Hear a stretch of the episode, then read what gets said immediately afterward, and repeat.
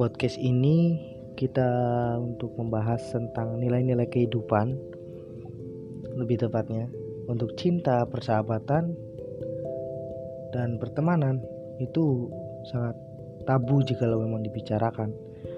Maka dari itu saya berinisiatif untuk membuat podcast untuk kita teman kamu semuanya yang bersatu frekuensi memiliki keluarga yang berprivilege buruk yaitu perceraian, ditinggal orang tua dan kebetulan kita sendiri. Kita bahas sampai tuntas. Stay tune teman-teman.